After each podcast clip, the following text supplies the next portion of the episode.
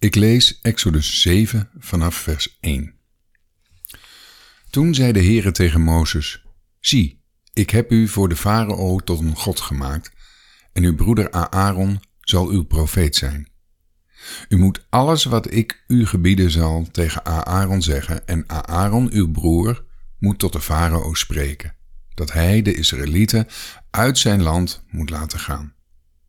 Maar ik zal het hart van de farao verharden en mijn tekenen en mijn wonderen in het land Egypte talrijk maken. De farao zal niet naar jullie luisteren, maar ik zal mijn hand op Egypte leggen en mijn legers, mijn volk, de Israëlieten, uit het land Egypte wegleiden, onder zware strafgerichten. Dan zullen de Egyptenaren weten dat ik de Heere ben, als ik mijn hand over Egypte uitstrek en de Israëlieten uit hun midden wegleid. Toen deden Mozes en Aaron zoals de Heere hun geboden had. Dat deden zij. Mozes was tachtig jaar oud en Aaron 83 jaar oud, toen zij tot de farao spraken. En de Heere zei tegen Mozes en tegen Aaron, als de farao tot u spreekt, doe voor uzelf een wonderteken.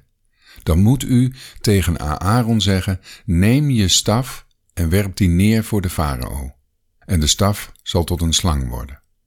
Toen kwamen Mozes en Aaron bij de farao en deden precies zoals de Heere geboden had. Aaron wierp zijn staf neer voor de farao en voor zijn dienaren, en hij werd tot een slang. Maar de farao op zijn beurs riep de wijzen en de tovenaars, en ook zij, de Egyptische magiërs, deden met hun bezweringen hetzelfde want ieder wierp zijn staf neer en zij werden slangen. Maar de staf van Aaron verslond hun staven. Het hart van de farao verhardde zich echter, zodat hij niet naar hen luisterde, zoals de Heer gesproken had. Toen zei de Heer tegen Mozes: Het hart van de farao is onvermurfbaar. Hij weigert het volk te laten gaan. Ga in de ochtend naar de farao. Zie, hij zal naar het water toe gaan. Ga dan aan de oever van de Nijl staan om hem te ontmoeten.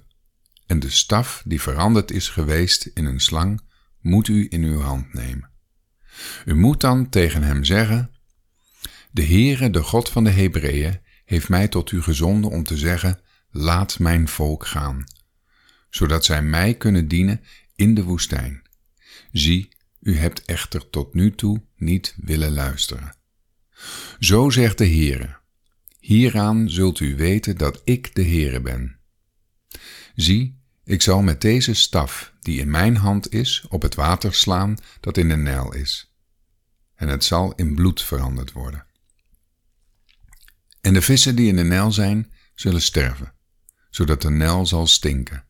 De Egyptenaren zullen moeite moeten doen om het water uit de Nijl te kunnen drinken.